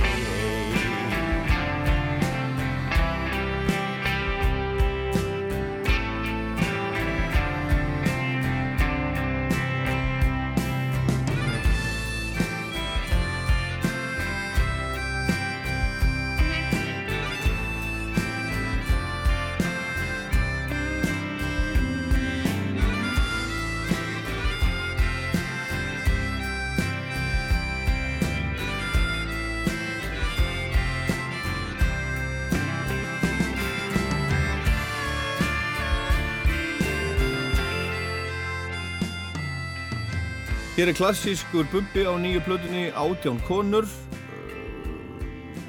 Folk, rock og munnharpa og þetta getur verið finnst mér á næstu hvaða bubba plötu sem er. Já, getur verið, já, bara eitthvað svona maður fer aftur í tíman, þetta er, þetta er eitthvað svona þetta er svona svolítið típísku bubbi finnst mér og það er, það er flott sound á þessari plötu, Addi 800 Artur Örlíksson, hann, hann, hann tók þetta upp, skipti það máli já, hann er, hann er snillingur. getur hann eitthvað? Hann er rosalega, hann er bestur. Það Er eru tveir, eru tveir menn, Óskar Páll Sveinsson og, og Atti 800. Og hvað er það sem gerir þá, eða, eða Adda svona, því að nú, nú er hann að vinna með, hann er að vinna með Björk og, Atti er listamál. og bara Landi og Sonum og hann Já. er bara með Já, öllum. hann er, hann er, hann hefur eitthvað X-faktor, eitthvað, eitthvað makalust alveg. Hann, hann er hraður, gríðarlega næmur, uh, mjög frjór, ófeimin við að, að koma með input og, og hérna, og svo hefur hann alveg miljón dólar eiru. Það er bara svoleiðis. Já. Já. En þú, þú stjórnaður upptökum hérna, hérna sjálfur Já. og spilar mikið af gítarunum sjálfur, ram, rammaskítarunum Já. sem þú hefur ekki gert mikið af hinga til.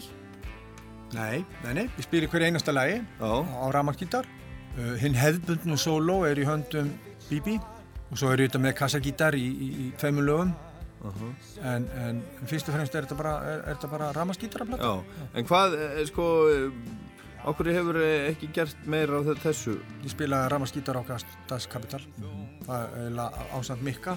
Spilaði alla, alla rytmagítara og hérna... En ekki síðan þá, það var þá 1984, Já, nei, svo bara, 30 ár. já, meira að minna. Já. Já. En svo er hérna einhvern veginn, þér er einhvern veginn svona, hún hljómar, ég veit ekki, ekki rétt að segja hún sé ferskari, en það er eitthvað svona gamal kunnugt þarna sem maður hefur ekki heyrt, heyrt í langa tíma, finnst mér sko. Já, en það er kannski stelpunnar. Hvað, þetta, ég eitthvað neginn, Veðraðast allir upp. já, þetta er svona, þegar að ég fann þessa orku, þetta er svo skrítið að útskýra þetta, en, en sko þegar við vorum að spila saman, þá fannst mér eins og bara, við værum bara band að byrja. Það var þannig tilfinning sem ég fekk. Hei, hei, bara, við erum band og við erum bara að byrja og við þurfum að stanna okkur. Og, og þegar ég fæ svoleiðis tilfinningu, sko, þá er ég bara, er bara eins að fara inn í ringin, þá er ég bara fætir. Þá fer ég bara tábergið og verða alveg óður. Verða djúvöldi gaman maður og þetta er svo geggjað og, og, og, og, og, og þessi tilfinning, sko, þú veist, og þær, þú veist, þessar ungu, ungu stelpur og, og að vinna með svona gömlum úlfi og þú veist, og ég stelpur að við hlusta á Blackie Húru og heyrðu, veit ég hvað, hérna New Order er eða Joy Division eða hafi ég hlusta á þetta sound með Class og Ramones eða, eða, eða hafi ég heyrt bassan í Nice and Sleazy og svona hlutir, sko. Og fyrir vikið eitthvað neginn var þetta svona bara, já, vá, vei, þú veist, já, við erum að gera þetta, ég bý, þetta var svoleiðis tilfinning. Og mér finnst eitthvað neginn eða nota klísju, gengi í endun í enn lífdaga pingulítið Og ætlið að spila eitthvað saman? Já, það ætla ég nú svo sannarlega að vona maður. Við erum að fara til Færi, við erum að spila á festivali í Færium 11. februar Já, já. og, og í Norrnahúsinu. Við erum með tónleika þar. Við munum spila eitt gig á þessu ári óauglýst, óvænt fyrir þá sem að koma á þá tónleika. Allt í fína. Á þessu ári? Á þessu ári. Já. Mér er strax farið að gruna hvað það er, já, já. En næsta labu við, Hemdar Klám. Hemdarklám, það er stöndum minn næri. Það er, þarna erum við komnir að netinu, sko. Þarna hvernig menn nýta sér netið og símana og, og, og, og eru anstíkilegir. Við skulum ekki einangrætt að bara við kallmenn. Hemdarklám er hægt, konur hafa verið staðnari því að, að beita því líka. En í stuttumáli sagt, þá er þetta svona að, að, að þú ert ógeistlega skotin í strák og þeir eru saman. Og hann talar þið inn á eins og oft í sambundin gerir sko, hei, tökum smá upp veist, í, í sveitnærbyggjunu og allt þetta og, og, og þetta er rosa gaman og, og svo einn daginn að þá kannski er þetta búið. Og annar aðeilin er ósáttur og hann segir bara ég mun negla þig. Og svo bara bum er komin allt unni mynd hreyfimynd á netið. Og hún er ekki aftur tekin. Og þetta er ofbeldi af svo uh, stórri, þetta, sko, þetta er ofbeldi á svo, uh, á svo nýju stórtæku sviði að það var alltaf að ná orð utanum það sko, og, og, og, og ungar stúlkur sem að lendi þessum hlut sko, þetta getur þær hafa fyrirfæri sér og þetta getur eðilagt þær uh, for good.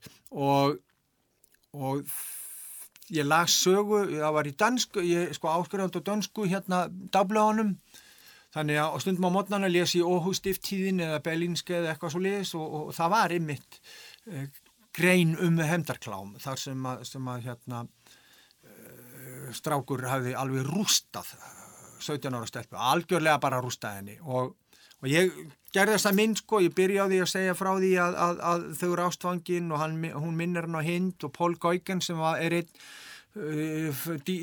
ekkert málverku selst dýrar í heiminum en mynd eftir Pól Gaugen, hann var danskur eða bjómi danskur í konu áður hann, áður hann lappaði í burtu og ákvaði að gerast málari. Sem sagt ég set upp þessa mynd og svo allt í einu röddinn hans milda mjúka var myrk og rám það sem hann sett á neti kalla menn vist hemdaklám Ljóst þetta æðistætla Hann sagði hún væri sólinn Tíguleg töfrandi hinn. Gaugan hefði gefið allt til að mála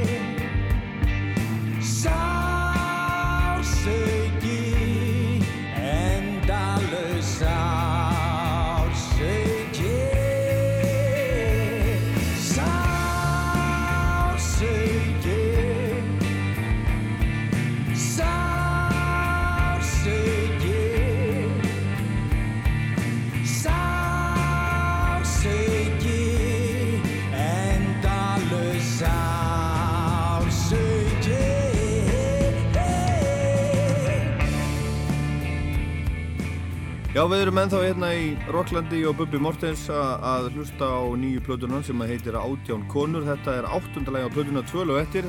Þú ert að syngja hérna um hluti sem að, sem að gerist í dag.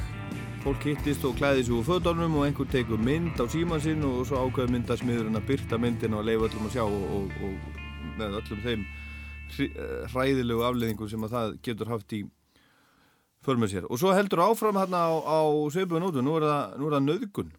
Hægt, andlát. Hægt andlát 14 ára stelpu. Þetta var lítil frétt á baksíðu morgumblasins fyrir mörgum, mörgum árum og ég skrifaði hann að textanur. Hann er búin að vera til í mörgum formum. Hann hefur verið meira sér rappaður og, og hann hefur verið ljóðaflæði og hann er til kannski í 10-20 útgáðum sem ég hef spilað á kassagítar og tónleikum. Hann hefur oftar en ekki verið undan fyrir 5 ár á tónleikaskráminni. Uh, en aldrei hef ég verið sáttur og aldrei hef ég fundið þessu lægi farveg. Svo gerist það að ég hitti spadadrottningarnar og við förum að, að, að vinna saman og allt í einu þá byrja ég bara að spila reggae riff og við förum að, að, vinna þetta á sviðinu. Og ég segi já þetta er, þetta er formið, þannig lægi komið. Síðan hérna förum við í stúdióið og, og, og þetta byrjar á trommum og bassa og, og þetta minni pingulítið á Guns of Brixton og dung, dung, dung, og svo kemur harmonika þarna inni og svo byrja bara textin. En þetta er byggt á sannsögulegum atburð. Og það sem er svo grátlegt við að þetta er það það er ekkert eðlilegt við það ef drukkin stelpa uh, er einn og fjórir eða fimm strákar takana uh, það er ekkert hægt að skoða það öðruvísi en ofbeldi. Það, það, það þarf ekki einu sinna að segja mér að drukkin stelpa þó hún myndi segja já að þetta sé hana en ofbeldi. Og, og ég, mér er það fyrir mun að ég, ég, fyrir fimm árum þá skildi ég þetta ekki að þessi strákar skildu hafa verið síknaðir mér minnir að í dómsórið hafa sagt sko að framburðar hennar hafa verið svo óstöður og eitthvað svona sko. Svo bara gerist þetta bara meðan ég er að taka upp lægið, þá bara gerist svona aftur. Og aftur eru menn bara í, þegar ég miðjum upptökum er aftur eru menn síknaðir og, og og núna er verið að setja saman einhverja nefnd, nú sá ég það í blöðunum það er verið að setja saman einhverja nefnd þá ræða þessar hluti. En hægt andlátt 14 ára stelpu er kannski mikilvægasta lægi finnst mér á þessari blödu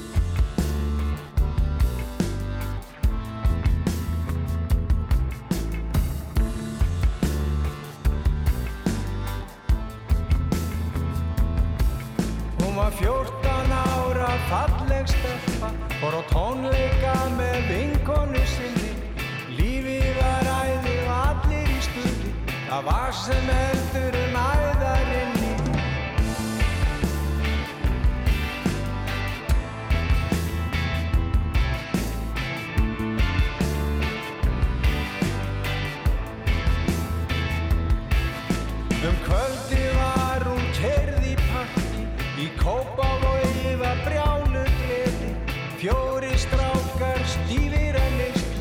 Sáu hana svartir á gleði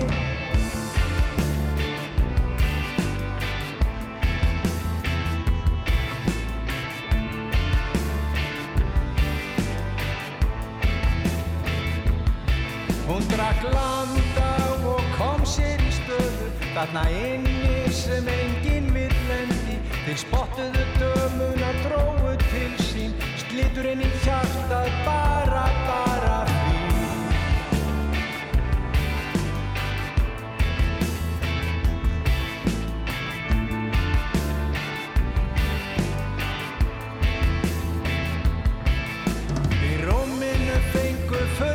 sínum órum.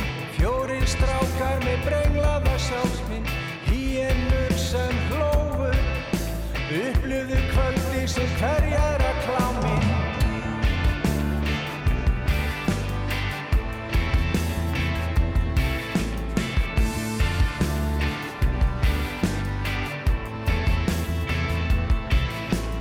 Misnóttuðu hana sem stjórn á kýr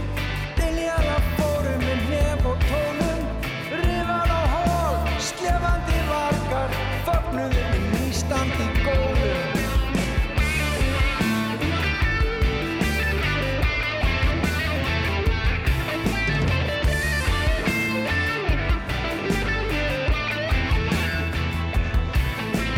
Dómarinn sagði ég trúi dömunni ekki. Dabuleg sagan heldur öngun þræði. Við hverju bjóstan eftir meðferst líka sem stúlkan hlaut að hún færi með kvæði?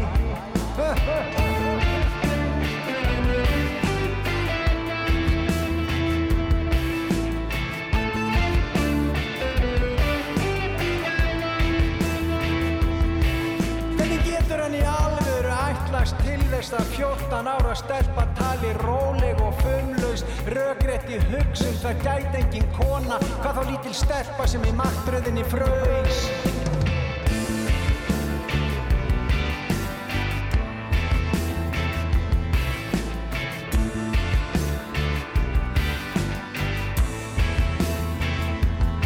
Þeir voru síknaðir samt játuð allir því. Hafa tekið hana allir rúminu í Þeir játuðu allir rétt að salnum í. Hvers konar veröld lifum við í? Dómari, dómari, farðu í ævila frí. Dómari, dómari, farðu í ævila frí. Dómari farði í æviland frí. Syngur og syngur þarna. er, er, er, er, er réttarkerfið er, er það bilað? Já. Ég, ég, ég, hérna, ég trist ekki hæstarétti. Enga veginn. Þú treystir ekki Nei, hæstarétti? ég tre- nei, ég nú ekki eru, Hæstarétti. en nú eru sko lögin eru náttúrulega undir stað alls og, og, og lögin eru, eru byggð á, á réttlæti, það er þess vegna sem við setjum lög til Eftir að- hrunið gerðist eitthvað sem að hérna, gerir það að verkum, ég, ég treyst ekki hæstarétti, ég treyst ekki dómskerfinu. Sko, auðvitað eru, ég, það, því ég tala um ég treyst ekki hæstarétti, það er bara vegna þess að aftur og aftur og aftur hafa þeir að koma dómar í hæstarétti sem eru bara gúgúk og gagag. Gott, tökum upp léttara hjál, þú verður 60 ára næsta ári 60 ára gammal Já. Hvernig leggst, leggst það í þig? Það bara, ég verð að viðkenna það að, að, að sko talan, ég bara svona, vá, getur verið þessi 60, skilur bara, vá. Uh, það segir mér það að, að samkvæmt allir í formúlu þá á ég 10, 20 ár eftir, lifandi, eitthvað sem liðis. Þú ert heppin? Já, það er bara þannig. Það er ekkit sjálfgefið Nei, ekkert sjálfgefið, ekkert sjálfgefið Já. og, og hérna, en hins vegar að þá fyrir ég horfið tilbaka sko, þvílíkt líf, þvílíkt ævintýri. Já. Vá, geggjað. En ætlar að halda áfram á þessari ferð? Ég meina, þú þú ert út um allt og það er það sem að sumir sumir segja, ég held nefnilega sko uh, þú, ert, þú ert umdeldur og hefur alltaf verið. Já, ég held að, ég held að íslensku þjóðinni þykir svolítið væntu þig.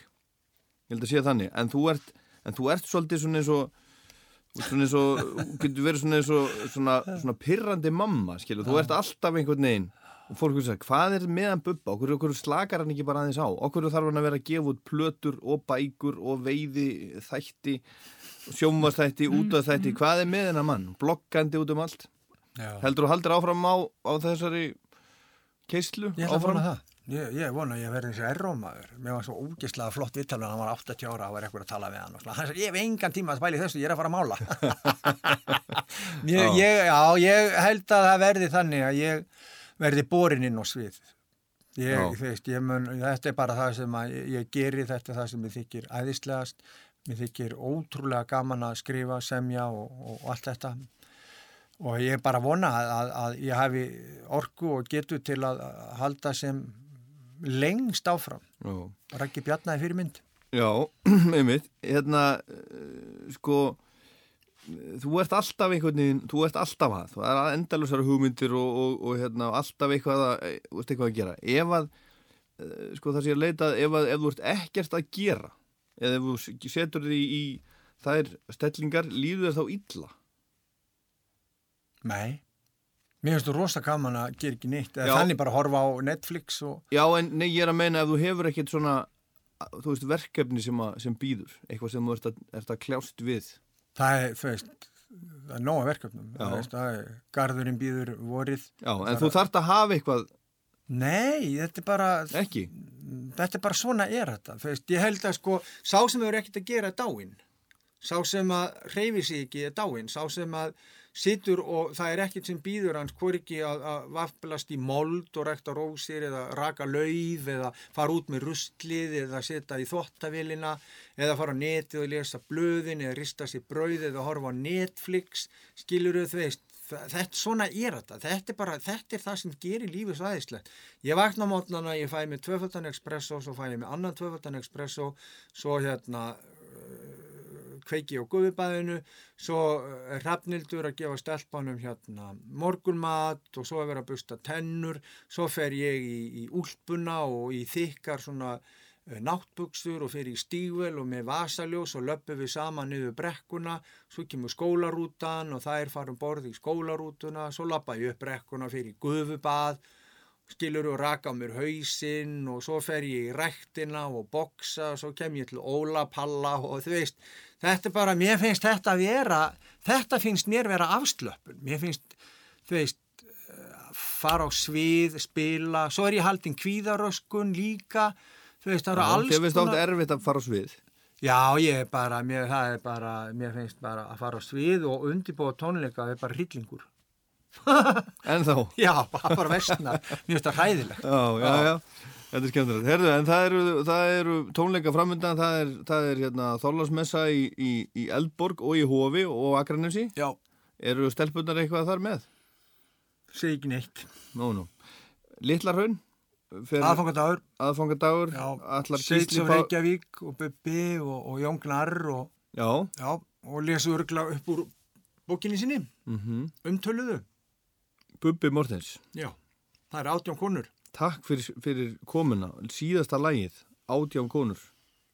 Átján konur er fyrsta lagið sem var til í þessu ferli og mér finnst átján konur vera eitt af mínum stóru. Eh, Þó er ég þitt svar sem uppáðslægi, það er bara sándið og svona sko, en, en ég gerir mig fulla grein fyrir því að átján konur er á pari við aldrei fór í söður og, og, og, og, stóru lögin mín og, ég er grí, gríðarlega stoltur af þessu lagi, ég er stoltur af, af úrvinnslunni, ég er stoltur af textunum, ég er stoltur af melodíinu, ég er stoltur af spilinu, ég er stoltur af flutninginum, uh, hvernig stelpurnar römmuðu þetta inn. Uh, ég er stoltur af því að, að, að, halda á lofti minningu þessara hvenna sem var drekt í drekkingarhill. Fyrst og fremst þá ger ég mig grein fyrir því hvort sem það verður núna eða mörgum árum setna en ég veit inn í mér þetta er eitt af stóru lögunum mínum. Takk fyrir komuna. Takk fyrir mig. Ég segi líka takk fyrir mig. Ég heit Ólafur Páll. Þetta var Rockland. Takk fyrir að hlusta. Konur sem kunnu að elska heim Trúðu að hann og hún Hann kunna spinna kaldan ver. Hún spurði aldrei ástin hvað er? Í myrkrinu margur vilja sinn fjekk og maran yfir lífennar hér og barnið útborið gjótuna í vinnu konu örla þung sem blí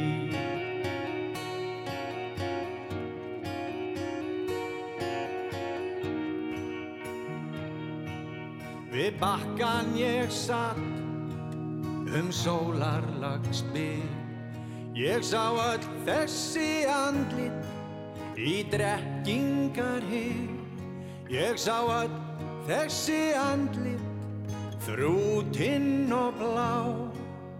Íðan bar þau til mín og síðan frá.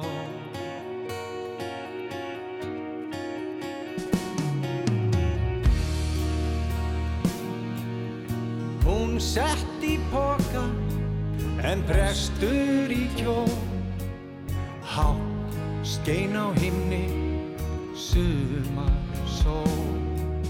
Krummi að krúka í almanna gjá Hann flytur dæmdur feigðar spá. Dauðinn í hillum hljóðlega beig Hérðan í frá var bara þessi leið.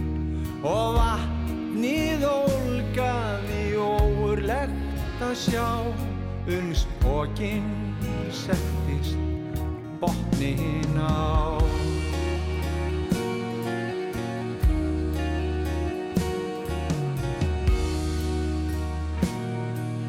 Við bakkan ég satt um sólandars spil Ég sá öll þessi andli í drekkingar hið Ég sá öll þessi andli þrútinn og blá. Íðan bar þau til mín og síðan frá.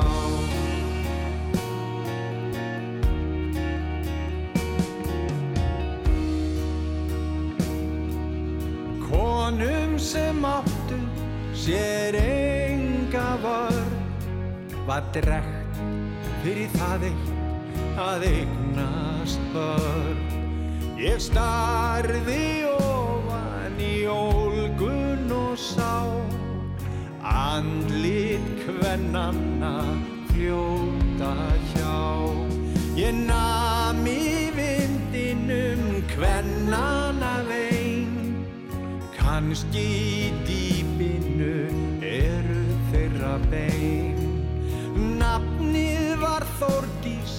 sem fyrst hér fór Í svelgin meðan ílfraði prestana kór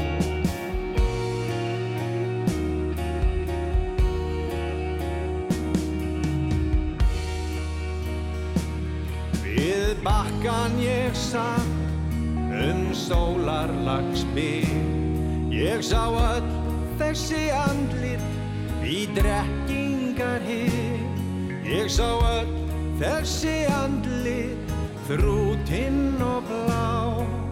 Íðan bar þau til mín og síðan frá.